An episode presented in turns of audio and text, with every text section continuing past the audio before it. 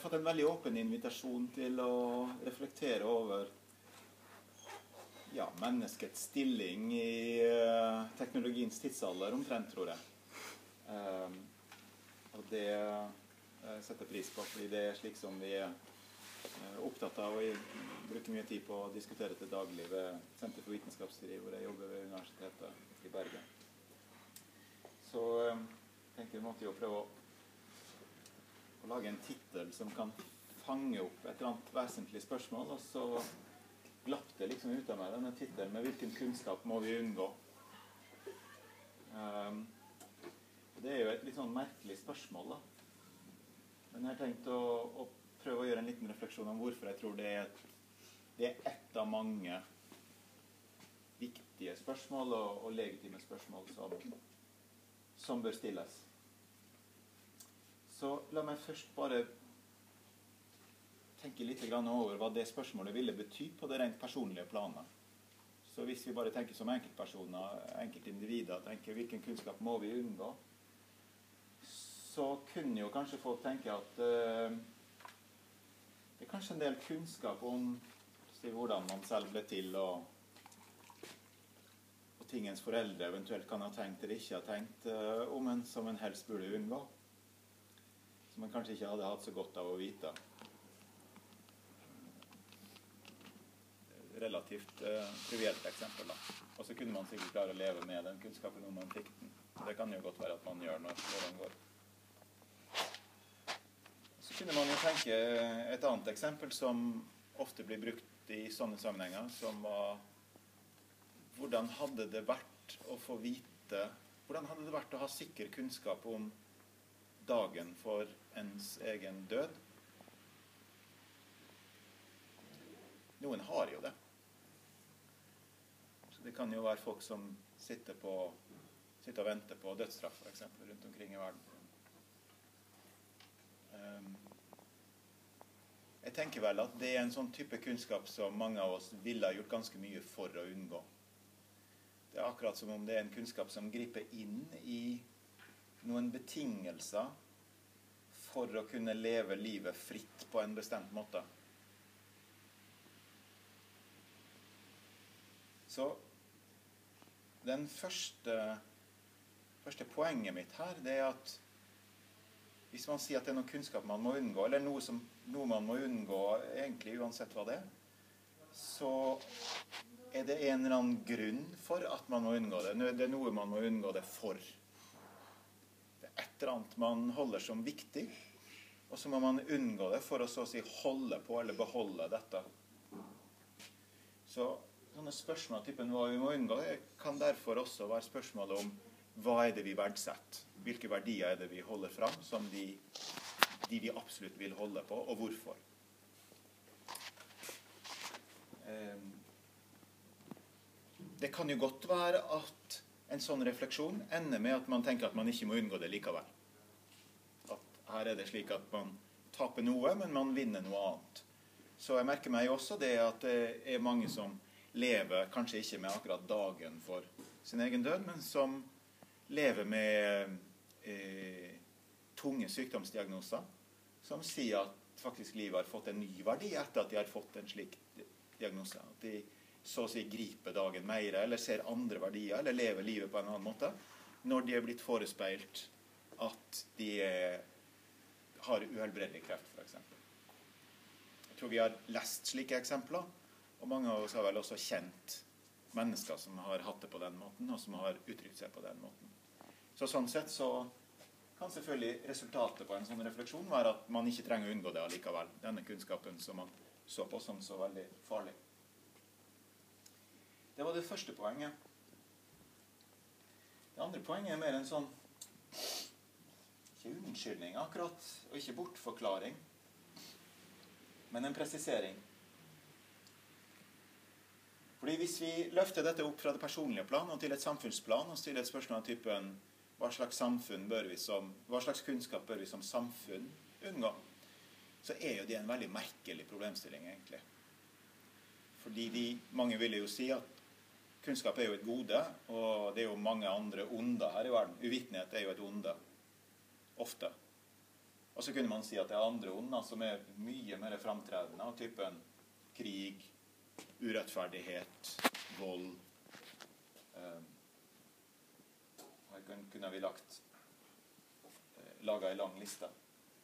Så i en verden hvor man har IS-terrorister og all slags ting eh, gående eh, for seg i verden, så er det jo et pussig spørsmål å stille og så å si se til kunnskapsproduksjon, kanskje vitenskapen, kanskje teknologien, og stille kritiske spørsmål rundt den. Men det ene utelukker jo ikke det andre. Nødvendigvis. Sånn er det nå engang sånn, da, at hvis vi ser bort ifra terrorisme Ja, selv med terrorisme sant, så kan man jo si at de på mange måter er antimoderne og imot alt det moderne samfunn står for, men de er jo utrolig flinke å anvende moderne teknologi, da. Det er ikke så mye schwung over dem hvis de ikke har disse våpnene som neppe ble utvikla i en eller annen, et eller annet kloster nødvendigvis. Så er det altså slik at eh, mange av de globale problemene som man har vært stadig mer opptatt av de siste 30-40 år. Miljøproblemer, ressursproblemer, eh, forurensning av forskjellig slag. Mange sånne problemer de har en eller annen komponent i seg av at moderne vitenskap og teknologi har spilt en rolle i tilblivelsen av det problemet. Det betyr ikke at man skulle skille på Albert Einstein eller Nils Bohr eller noen for at man fikk atomvåpen. Men det er helt klart at utvikling av moderne fysikk var en nødvendig betingelse for at man skulle få atomvåpen. Det spilte en rolle i det. Så slik sett så er det blitt egentlig mye mer vanlig i moderne samfunn å ikke bare tenke rundt vitenskap og teknologi som et gode, som det jo selvfølgelig er. Et stort gode. Men også som et slags risikoobjekt. Og nå i uh, romjula rett over nyttår, uh, enten i romjula rett over nyttår, så døde den tyske sosiologen Ulrich Beck, som kanskje vil være et av disse navnene som er kjent for den type tenkning en slags kritisk tenkning rundt moderne samfunn generelt. Hvor han ville si selvfølgelig vil vi ha moderne samfunn. Selvfølgelig vil, ønsker vi å sette stor pris på alle disse godene som det har gitt oss. Moderne teknologi, sykdomsbekjempelse, menneskerettigheter, demokratiske institusjoner, gode helsevesen osv. osv. Men vi er også der nå hvor vi skjønner at vi må også må håndtere på en profesjonell måte de bivirkningene som oppstår når slike institusjoner vokser og blir større. Og de bivirkningene ser vi på en måte i alle sånne sektorer, kanskje først med industrien. Overraskelsen at industri forurenser, som man allerede begynte å skjønne på, på 1800-tallet. Og hva skal vi gjøre med det? Jo, man måtte ha nye lover, nye teknologier, nye instrument for å håndtere det her. Helsevesenet. Kanskje hovedutfordringa at det vokser moderne medisin vokser. Det blir stadig flere ting å gjøre. Og til slutt så kan vi fylle hele statsbudsjettet med helsetilbud. Og vi er nødt til å gjøre noe med det på et vis. Og det må temmes. Og man får masse juss, og man får masse økonomi, og man får masse vanskelige valg lagt oppå helsevesenet. Det er helt nødvendig. Denne type situasjon har man også fått for moderne forskning og teknologiutvikling. Særlig de siste 20 år så er det kommet en rekke lover, eh, forskrifter, reguleringsmekanismer, styringsforsøk på å prøve å forholde seg til dette eh, så å si paradokset at fri forskning gir oss utrolig mange gode ting, men det gir oss også mulighet for bivirkninger, risiko, etiske dilemmaer osv. osv. Så hvordan prøver vi å forholde oss til det? Det er um, kanskje to hovedmekanismer som man har brukt så langt. Det ene kan vi si er en form for positiv styring. Så man tenker, Ja, vi kan ha fri forskning og, og fri teknologiutvikling, men det er enkelte ting vi som samfunn er mer interessert i enn andre ting. Og da kan vi jo styre det med en pengestrøm. som vi sier i dag. Denne byen her, f.eks., så har det vært satsa på marinforskning. For jeg tenker det vil jo være en god ting. Vi har spesielle forutsetninger for å være opptatt av det. Hvis du tenker på et nasjonalt nivå, så tenkte jeg på dette eksempelet med at norske myndigheter har vært tilsynelatende veldig opptatt av at sykefraværet stiger. Ehm, det er sett på som et problem. Jeg skal egentlig ikke gå inn i den diskusjonen, for jeg er ikke så sikker på at sykefraværet er så veldig høyt i Norge forhold til andre land, men det kan vi jo eventuelt diskutere. Ja, uansett så bestemte Norges forskningsråd for noen år siden at nå setter vi av jeg tror det var rundt 300 millioner kroner til å forske på sykefravær. Den type øremerking vil også være én type mekanisme vi kan. Si, dette ønsker vi, så vi styrker det. Og det er klart Det man virkelig har styrka, er jo eh, høyteknologiske felt. Bioteknologi, nanoteknologi, informasjonsteknologi. I det sivile området, og selvfølgelig også i det eh, militære området. Det er jo det som har vært styrka mest. Så på den måten så har vi allerede en 40 års tid vært inne i en slags balanse mellom det man kunne kalle akademisk frihet på den ene sida, og samfunnet som ønsker å gi en eller annen form for positiv styring på den andre sida. Egentlig er ikke dette snakk om 40 år. Egentlig så kunne vi gått til vitenskapshistorien og sett at det har vært sånn i hundrevis av år. Men kanskje sterkere nå fordi det er så mye mer forskning enn det var før. Den andre mekanismen som samfunnet tar for seg, eller prøver ut, i forhold til å så å si styre vitenskapen og kunnskapsutviklinga, den ligner litt mer på problemstillinga i dag om hva vi må unngå.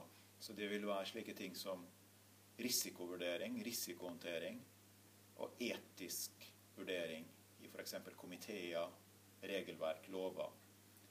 Så noen av dere vil vite at hvis man driver med bioteknologi f.eks. i et land som Norge, så er det en stor juss man må forholde seg til bioteknologiloven, genteknologiloven, helseforskningsloven, europeiske Oviedo-konvensjonen osv. osv. osv. Hva er det man forsøker her?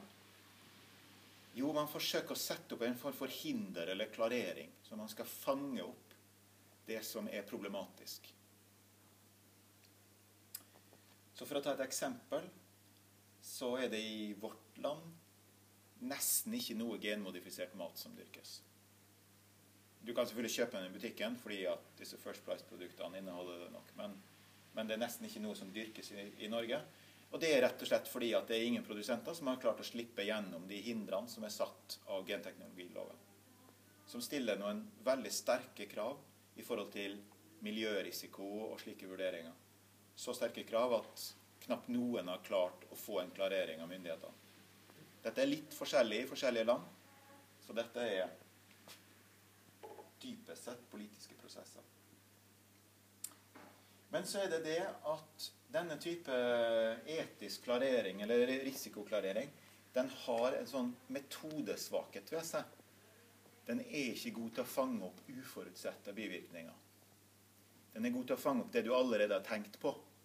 Den er veldig dårlig til å fange opp det du ikke har tenkt på, for da vet du ikke hva du skal se etter. Så dette er liksom sett på som det store paradokset i eh, hele dette feltet. Det kalles av og til for Collingridge, Collingridges dilemma. Collingridge var en, en teknologihistoriker som sa nettopp dette at vi har en ny kunnskap og en ny teknologi. Vi vet ikke helt uh, hva som skjer når vi setter den inn i samfunnet. Og så tar vi den inn i samfunnet, og da ser vi hva som skjer, men da er det for seint å få den ut igjen. Så Collingridge ville kanskje bruke et eksempel som privatbilene. I ettertid så kan man kanskje si at det ikke er en helt gunstig måte å organisere transport på i forhold til klimaproblemer og alt mulig rart. Men det er forferdelig vanskelig å få de vekk når de først er der. Nesten umulig. Iallfall i demokratiske samfunn. Så utfordringa er eller Ei av utfordringene går det an å tenke annerledes om disse tingene. Går det an å tenke på nye måter som kan supplere de gamle måtene, og prøve å så å si styre kunnskapsutviklinga på et eller annet vis. Ottar Brox, den norske Kanskje en slags nestor i norsk samfunnsforskning. Har ikke uttalt seg om akkurat det, men han har uttalt seg om samfunnsutvikling generelt. Og Et av hans poeng var at mot slutten av uh, hans forfatterskap, han er jo aktiv, uh, er at det av og til kanskje er lettere å sette opp noen tanker rundt hva vi ikke vil, heller enn hva vi vil. Sånn Utopier og glansbilder om hvor vi vil, de ja, Noen ganger går det jo skikkelig dårlig da, når man stiller opp de. Um, uansett så kan det være at det er en, en vanskelig måte å navigere på. Kanskje av og til er det bedre å prøve å lage en slags liste over hva vi iallfall ikke vil ha. Så kan vi prøve å unngå det. Kanskje det er lettere. Denne måten kunne man tenke på i forhold til ny kunnskap. Så det jeg har tenkt å si nå i de neste fem minuttene, kanskje Det er på en måte svaret på min egen stiloppgave, som er hvilken kunnskap må vi unngå på et samfunnsnivå. Eh, en måte å tenke der er å ta utgangspunkt i å si Ja, hva må vi ha, da? For å ha en fortsatt sivilisasjon av den typen vi har. Hvilke verdier, akkurat som jeg begynte med i forhold til vårt eget liv, hvilke verdier skatter vi så høyt at de vil vi ikke fire på? Og hva må til for at de blir opprettholdt? Og så kan man nøste seg bakover og si Hva slags utviklingstrekk i, i det vitenskapelige samfunnet kunne true de verdiene. Så det første er jo den verdien av å rett og slett bare ha en biologisk levelig atmosfære på jorda. Eh, hvor pattedyr kan puste og bo. Det vil jo kanskje være et minimum. Har det, gang, har det noen gang vært, vært, satt på spill i vitenskapens utvikling? Ja, det har faktisk det, i hvert fall ved to anledninger. Så den ene var nokså nylig. Eh, Knytta til disse store eh, partikkelakseleratorene. Fysikkeksperimentene som gjøres. Hvor det var noen som var redd for at man var i ferd med å sette i gang noen eksperiment dere husker kanskje dette for et par år siden, som kunne trygge en slags kjedereaksjon som ga et sort hull av en viss størrelse her. Og hvor da ideen var at ja, men hvis dette skjer nå, så blir bare jordkloden sugd opp i dette sorte hullet, og da er det slutt. Um, det skjedde ikke. Uh, og, men de gjorde, de gjorde, jo disse forsøkene. Så de ble da gjort ut ifra en slags sannsynlighetsovervekt, hvor mange nok fysikere sa at eh, nei, men dette er så usannsynlig. Vi, vi fester ingen lit til altså det, det, Her snakker vi ikke om hvem som helst som var redd for dette. Det var også fysikere til dels. Men de var altså et forsvinnende lite mindretall. da. Så det var for så vidt en slags risk-taking, men den, den var kanskje liten. Et eksempel som kanskje er litt skumlere å tenke på, er knytta til eh, detoneringa av den første atombomba. Altså ikke over Hiroshima og Nagasaki, men disse såkalte prøvesprengningene som ble gjort i USA før man dro til Japan. Eh, der var det Der er det dokumentert at det var uenighet blant fysikerne på Los Alamos om sannsynligheten for at man satte fyr på hele atmosfæren da man sprengte av den første bomba. Dette er vel representert i noen av disse filmene rundt det her. Um, den er leier, på en måte. Um, det er noe med at der kan vi tenke at den gruppa fysikere tok en nokså De valgte å gå for en irreversibel risiko for menneskehetens framtid.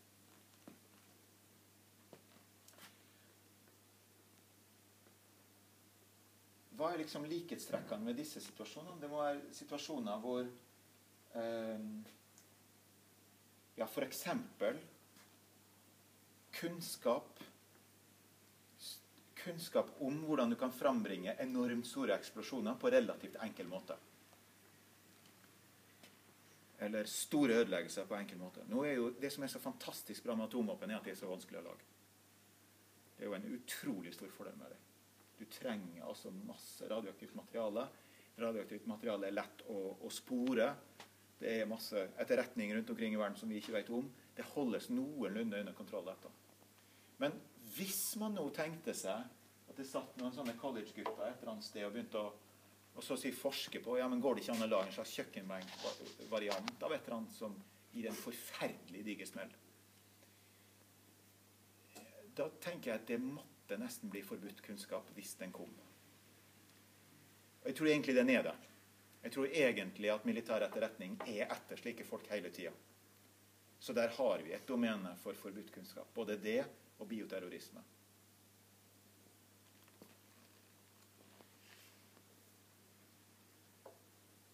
Dette er kanskje litt sånn eksempler på onde teknologier. altså Det, det er liksom eksempel på ting som Vanskelig å tenke seg at de skulle ha så veldig positive bruksmåter.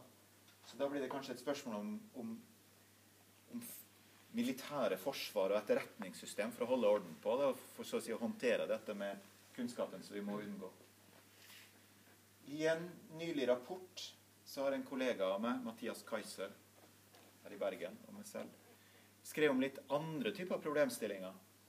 Eh, teknologier som slettes ikke er ond, men som er lagd for gode formål.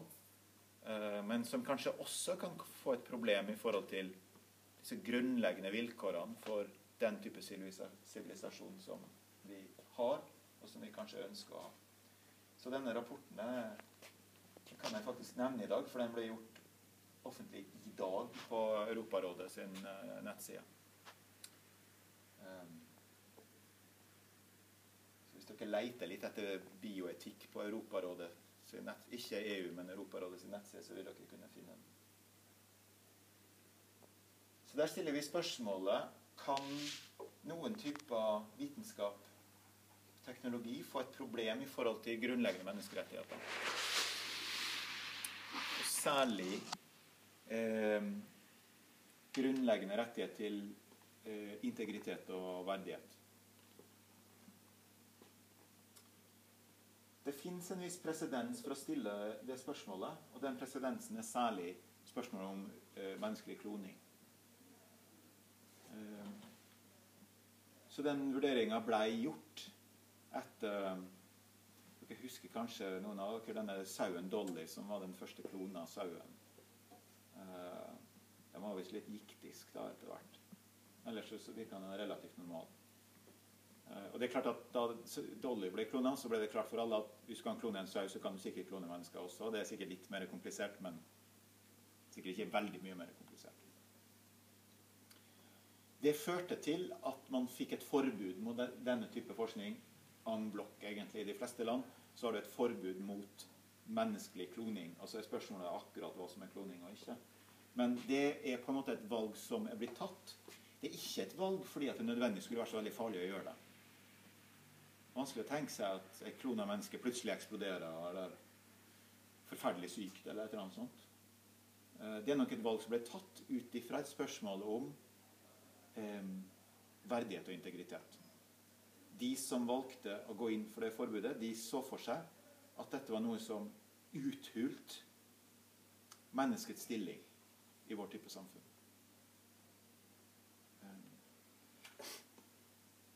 Er ikke opplagt at de må tenke sånn, for vi har jo enegga tvillinger. Men de tenkte sånn. Men det er kanskje andre ting som kunne være mer jeg holdt på å si skummelt i forhold til disse spørsmålene. Og Det er det vi skriver om i denne rapporten. Så jeg vil bare avslutte med en par-tre eksempel. Og så er liksom mitt spørsmål til dere om Det ene er jo om dere syns jeg er på jordet her. Det andre er om dette er en fruktbar måte å tenke på. Prøv å tenke er det flere sånne eksempler. Noen eksempler kommer fra science fiction-litteraturen. Andre er ganske nære dagens forskning, og, og ofte så er distansen mellom science fiction og faktisk science Hvis du bare tillater litt fantasi, så er den ofte ikke så stor heller. Så det ene vi eh, diskuterer i denne rapporten vår, det er eh, kunnskap som kan predikere menneskelig handling veldig godt. Så presist. Ikke bare sånn at jeg skjønner noen sine grunner, men kanskje jeg kan få nevrologisk tilgang til tankene deres. Dette er ikke bare science fiction. Det fins nevrovitenskap som ikke kan lese tankene på folk, men som begynner å ane konturene av at man kan spore elektronisk så å si når en beslutning blir tatt av noen. Så her har det skjedd framskritt de senere årene. Og du får sånne merkelig nye fagfelt som f.eks. nevroøkonomi, hvor hele ideen er at det er jo så vanskelig å forutsi om folk vil ha nye produkter.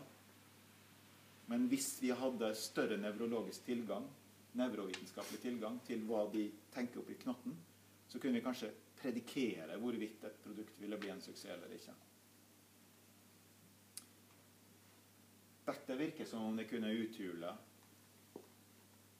våre forestillinger om fri vilje, tenker jeg. Et annet eksempel vil være teknologier som er, blir mer og mer presis i å påvirke våre sinnsstemninger. Den diskusjonen har vi hatt lenge. På en måte så har du hatt den siden Brave New World, Aldous Huxley. Slutten av 20-tallet, begynnelsen av 30-tallet. Så fikk du den igjen på 50-tallet med noe som egentlig var en bløff. Nemlig spørsmålet om du kan ha sånne subliminale reklamer på TV. Hvis du har kjappe bilder av Coca-Cola på TV-en, går da folk og kjøper mer Coca-Cola. Eh, noen påsto at de hadde gjort Det var særlig én mann som påsto at han hadde gjort dette, og det var vellykka. Egentlig ingen som har klart å reprodusere sånne ting. Det de klarer å reprodusere, er at hvis du gir folk sånne skjulte budskap, så kan du få dem til å bli mer optimistisk eller mer pessimistisk. Men du synes ikke å kunne få dem til å gå akkurat vil ha Coca-Cola. Kanskje kunne få dem til å bruke mer penger generelt. Det går kanskje an. Men så blir jo også slike ting mer og mer presise etter hvert. Og et eksempel kan være dette forsøket, eksperimentet som ble gjort av Facebook uh, i fjor. Såkalte Facebook Emotion Contagion-eksperiment, som altså ikke er science fiction. Hvor Facebook programmerte inn noen algoritmer for å se om de klarte å få folk til å bli mer pessimistisk over noen dager, da, hvor de gikk inn og kalibrerte disse, det som bestemmer hva du ser på denne nyhetssida di. Eh, og hvor de, folk ble bombardert med mer pessimistiske ting. Og så ville de da studere om det førte til at de også skrev mer pessimistiske ting på Internett. Og det gjorde de. Så dette var også gjort. Det tredje og siste eksempelet jeg ville nevne, var er dette med dyphjerne, dyphjernestimulering eh, og personlighetsendrende teknologier. Så noen av dere vet kanskje at én eksperimentell behandlingsform for Parkinsons sykdom, og dette blir gjort, det blir gjort i USA, det blir gjort i Nederland, det er å feste lange elektroder inn i hjernen på pasienter. Og så prøver man seg fram for å se hva slags effekt man får. Man får til dels radikalt forbedring av sykdomstilstand. Så folk som har ligget i senga i årevis, kan gå fullt aktivt. Alle opplever personlighetsendring i større eller mindre grad. I noen eksempler total personlighetsendring. Så at man plutselig f.eks. tror at man er et barn igjen. Og så Hvis man da skrur av batteriet, så er de på en måte seg selv igjen.